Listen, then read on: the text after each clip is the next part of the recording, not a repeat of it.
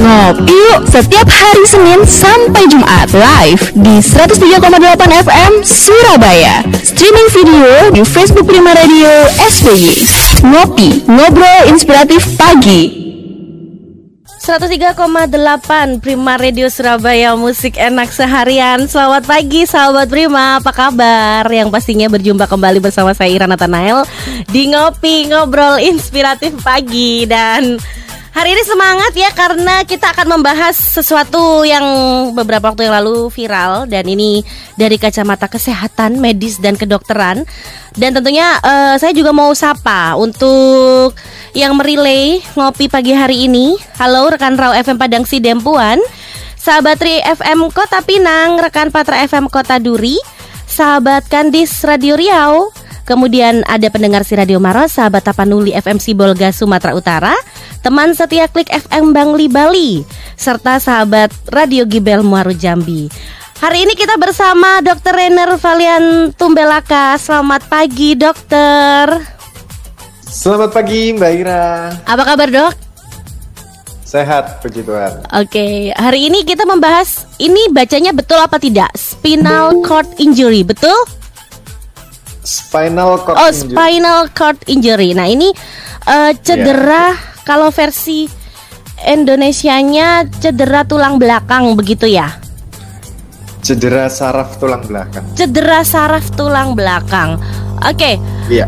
Uh, Dokter Rainer, ini mungkin bisa dijelaskan dulu nih karena kemarin kan beberapa ada kasus selebgram yang kita tahu. Nah, ini uh, sebenarnya spinal cord injury ini atau cedera tulang belakang mungkin uh, sebelum kita ke ngomongin soal penyakitnya atau cederanya mungkin bisa dijelaskan dulu struktur tulang kita itu tulang belakang itu uh. apa aja mungkin buat kita yang awam nih dokter Oke okay, ya selamat pagi semuanya para pendengar dari Prima Radio dan yang relay dari berbagai daerah. Iya. Yep. Kalau kita mau bicara tentang spinal cord injury, tentu mm -hmm. kita uh, perlu memahami anatominya dulu yeah. ya. Jadi susunan struktur tubuh dari tulang belakang kita punya dari dalam keluar. Jadi dari dalam itu paling dalam itu disebut dengan sumsum -sum tulang ya, mm -mm. atau spinal cord tadi itu saraf mm -mm. dari tulang belakang.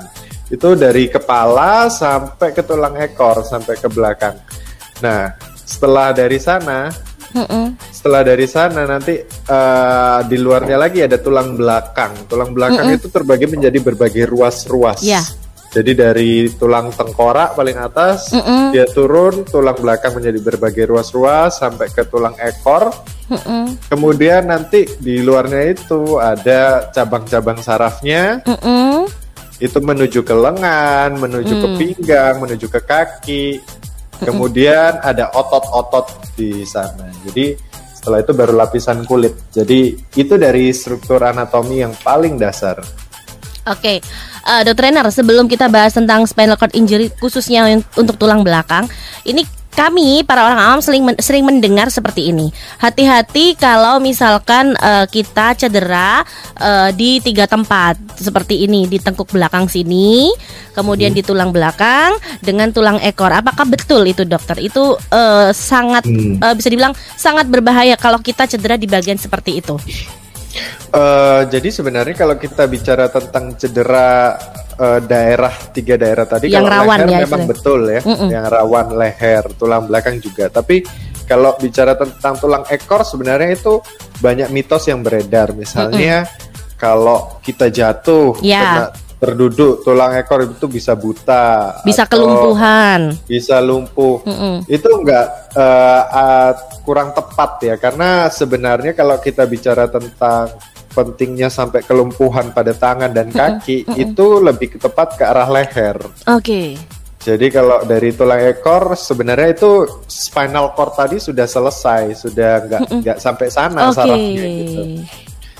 Gitu. Jadi itu jaras-jarasnya aja sama ada tulang belakang yang paling ujungnya ya nggak ada saraf yang seperti spinal cord tadi yang berhenti mm -hmm. di atasnya dia. Gitu. Berarti kalau kita bahas tentang spinal cord tadi bolak-balik uh, dokter uh, kasih wawasan mm. ke kita, berarti sebenarnya kalau kita bilang cedera atau tulang atau patah tulang sebenarnya tidak ber, tidak masalah kalau tidak ada spinal cordnya seperti itu.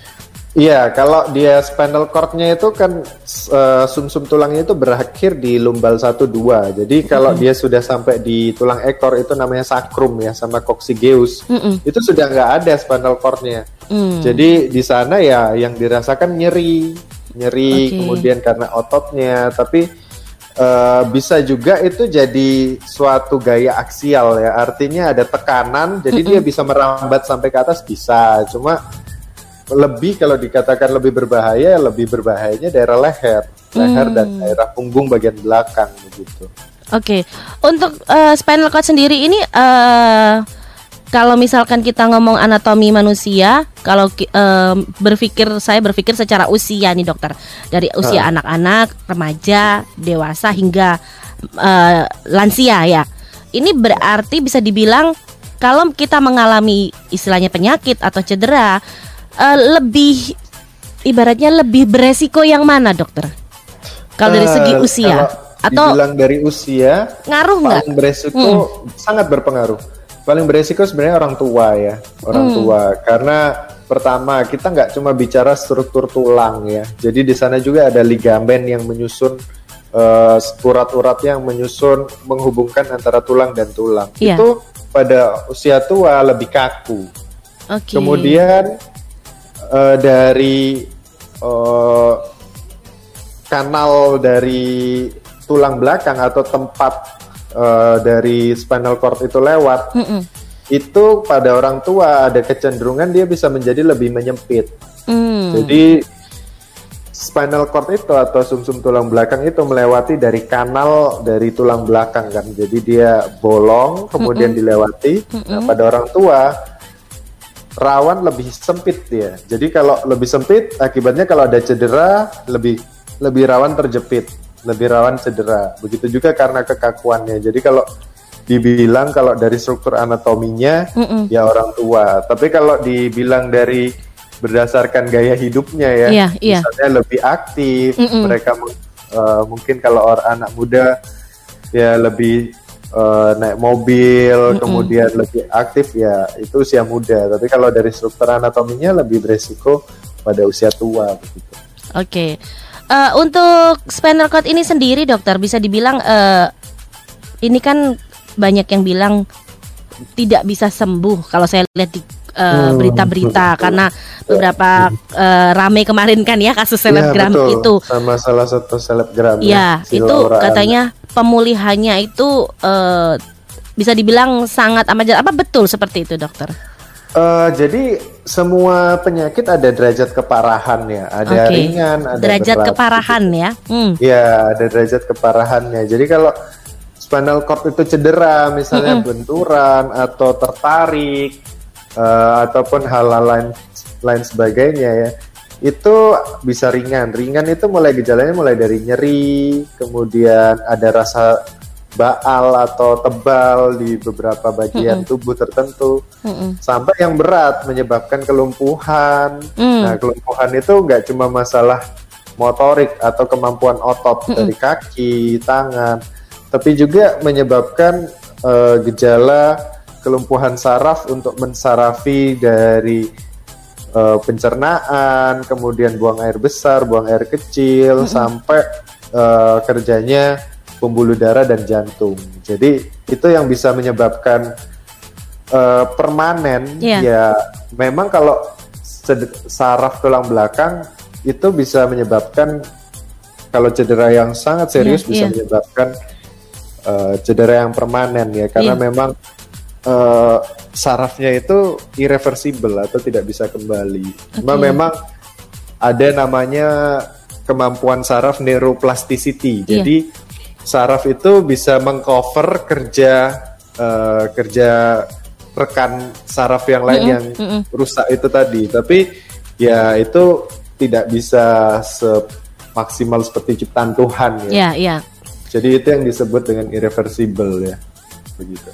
Dokter ini ada pertanyaan sebelum kita bahas Oke, lebih boleh. lanjut. Ini selamat pagi uh, Prima Radio, selamat pagi Dokter Renner dan Mbak Ira dari Ibu Istikharoh di sidoarjo. Yeah. Iya. Uh, kalau bahas masalah sumsum -sum tulang belakang, uh, kalau kami pahamnya itu biasanya ada orang yang sebelum dioperasi, apa betul ini? Sebelum dioperasi iya. biasanya uh, disuntikan apa injeksi atau bius di oh, situ. Iya. Nah itu mengapa harus di lokasi itu dokter begitu? Ah iya. Oke, jadi pertanyaan yang bagus ya.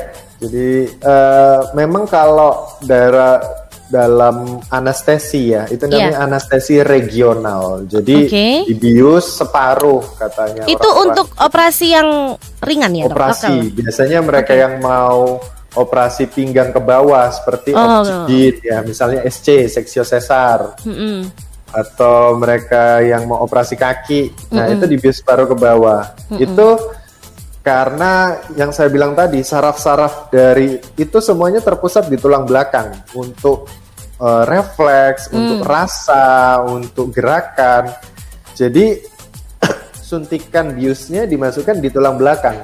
Hmm. Itu disuntikan di sana.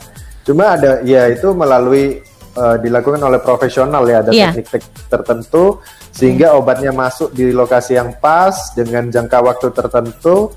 Nah nanti uh, itu akan memblok sementara kegiatan dari motoris maupun sensoris, kekuatan otot maupun dari rasanya. Jadi jadi enggak itu operasi akan berjalan aman begitu.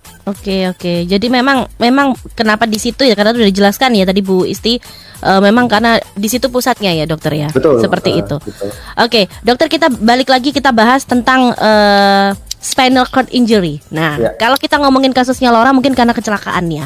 Tapi yeah. untuk kita orang yang belum paham untuk dunia medis hmm. dan kedokteran kita mau tanya, apa saja yang bisa menyebabkan uh, kita hmm. terkena cedera tulang belakang? Apakah hmm. hanya karena faktor kecelakaan, jatuh, uh. apakah ada penyakit-penyakit tertentu, pola hidup tertentu, pola makan tertentu atau uh, bahkan itu bisa menyerang usia tertentu tadi kalau dokter bilang bisa karena uh, kalau apa hmm usia manula ya atau lansia. Yeah. Tapi apakah bisa seperti anak-anak bisa terkena dan sebagainya? Ah ya, iya bisa juga ya, bisa juga. Namanya spinal cord injury. Jadi cedera pada sumsum -sum tulang belakang atau cedera pada saraf tulang belakang. Itu cederanya nggak melulu soal trauma atau mm -mm. masalah benturan, tusukan, tarikan. Mm -mm. atau gencetan, mm -mm. tapi juga bisa infeksi, bisa okay. ada tumor, masa di situ itu bisa uh -uh. menyebabkan cedera meskipun lebih jarang ya, meskipun lebih jarang. Infeksi itu uh, bisa terjadi karena apa, dokter? Uh, dari berbagai hal sih ya. Tapi kalau kita bicara tentang spinal cord injury itu lebih ke arah trauma ya, lebih hmm. ke arah benturan, gencatan itu. Tapi cedera pada tulang, uh, pada sumsum -sum tulang belakang, pada saraf tulang belakang, mm -mm. itu juga kita harus uh, pikirkan yang lain meskipun jauh hmm. lebih kecil presentasinya ya. Oke. Okay. Apa itu dokter? Uh, seperti misalnya dia pernah ada riwayat dari uh, me, ada pernah kena tusukan tertentu kemudian menyebabkan infeksi daerah okay, situ. Okay. Kemudian dari desakan dari uh, sebuah benjolan atau masa di situ. Mm -mm, mm -mm, Itu meskipun uh, kalau kita bicara desakan lebih ke arah uh, penekanannya, tapi kalau kita bicara tentang injury ya kita bicara tentang dari trauma itu sendiri gitu. Oke. Berarti tadi dokter bilang uh, bisa karena infeksi, tumor, masa, desakan-desakan. Nah, berarti kecuali saya bilang kecuali karena trauma, kecelakaan, benturan dan sebagainya, berarti sebenarnya uh, spinal cord injury itu tadi yang mungkin disebabkan oleh infeksi tumor masa itu uh, berproses ya dokter. Maksudnya ada waktunya, ada ya, tahapannya ada, ada begitu ya. Ada waktunya, ada mm -mm. waktunya. Oke, jadi nggak nggak seperti kalau kita lagi uh, cedera atau benturan yang langsung begitu ya dokter ya? Iya betul. Uh, dokter, untuk spinal cord injury ini ketika seperti kasus kita ngomong aja kasusnya Laura ya, berarti eh, tahapan-tahapan apa yang harus dilakukan atau tindakan medis seperti apa? Apakah jalannya seperti operasi dan sebagainya dokter? Uh, jadi kalau kita bicara ya seperti yang tadi ya, jadi uh, sebenarnya spinal cord injury itu ya penyebabnya nggak melulu soal trauma ya satu. Mm -mm. Jadi mm -mm kalau itu juga kita harus pahami penanganannya, nggak melulu soal trauma. Kalau trauma kan jelas, artinya ada benturan, gencetan dan lain sebagainya. Ada juga yang secondary ya, seperti mm -hmm. yang saya bilang tadi, bisa karena penyebab yang lain, mm -hmm. yang menyebabkan gangguan perfusi di situ atau gangguan mm -hmm. uh, pembuluh darah ke arah saraf-saraf sana sehingga uh, cedera. Mm -hmm. Nah itu nggak melulu operasi ya, jadi tergantung oh, okay. derajat keparahannya. Kalau uh, kalau misalnya ringan, ya jadi begitu penderitanya datang ya ada juga di uh, kita lakukan pemeriksaan dulu ronsen, CT scan, mm. MRI begitu. Mm -mm. Baru misalnya kalau ada pendesakan tertentu atau ada uh, sumsum tulang belakangnya bengkak sekali sehingga menyebabkan penyempitan di situ itu harus dibebaskan. Baru baru kita lakukan operasi. Okay. Tapi nggak melulu operasi. Oke. Okay. Ada obat-obat tertentu, dokter mungkin yang biasanya di uh, dilakukan hmm. begitu pengobatan tertentu ya, kalau tidak tentu, selain operasi? Tentu pasti uh, anti nyeri ya, mm -mm. anti nyeri pertama untuk dan juga obat-obatan untuk menurunkan dari kalau ada cedera di situ mm -mm. begitu. Jadi yang paling penting adalah penanganan awalnya sih kalau spinal cord injury itu ya. Mm -mm. Jadi kalau kita bicara spinal cord injury akibat trauma ya penanganan awalnya begitu pasien di tempat kejadian yeah. atau penderita di tempat kejadian itu transportasinya harus bagus. Karena kalau okay. kita sembarangan menggerakkan leher waktu okay. misalnya dia tabrakan mm -mm. ya, mm -mm. tabrakan kan uh, karena benturan lehernya maju ke depan kemudian okay. tertarik ke belakang itu rawan menyebabkan spinal cord injury di daerah leher. Okay. Nah itu kalau orang yang nggak ngerti kemudian makin digerak-gerakkan lehernya, hmm. nah itu bisa menyebabkan cedera yang lebih serius. Jadi uh, sebaiknya dilakukan oleh profesional ya untuk evakuasi. Iya, nah itulah kenapa ketika terjadi kecelakaan atau eva, uh, evakuasi korban, uh, masyarakat itu diharapkan mungkin memang tidak yang tidak paham lebih baik bukan bukan tidak mau membantu tapi lebih baik memang menunggu yang yang Betul. yang lebih paham ya dokter ya karena Betul seperti sekali. itu ya kita nggak tahu ketika kecelakaan itu yang cedera yang mana karena memang untuk mengangkat mengangkat ke, apa korban kecelakaan juga harus hati-hati tadi ya dokter ya Iya betul betul. Uh, dokter, kalau misalkan penanganan uh, tadi banyak penyakit bisa, cedera bisa. Nah, untuk uh, usia-usia tertentu apakah lebih mudah misalkan nih katakanlah usia anak-anak nih dokter mm -hmm. dibandingkan mungkin mungkin kita contoh kasusnya seperti Laura yang udah usia 20-an yeah, ya. Nah, apakah itu sangat berpengaruh dokter tingkat kesembuhan ketika uh, masih berusia iya. anak-anak? Yeah.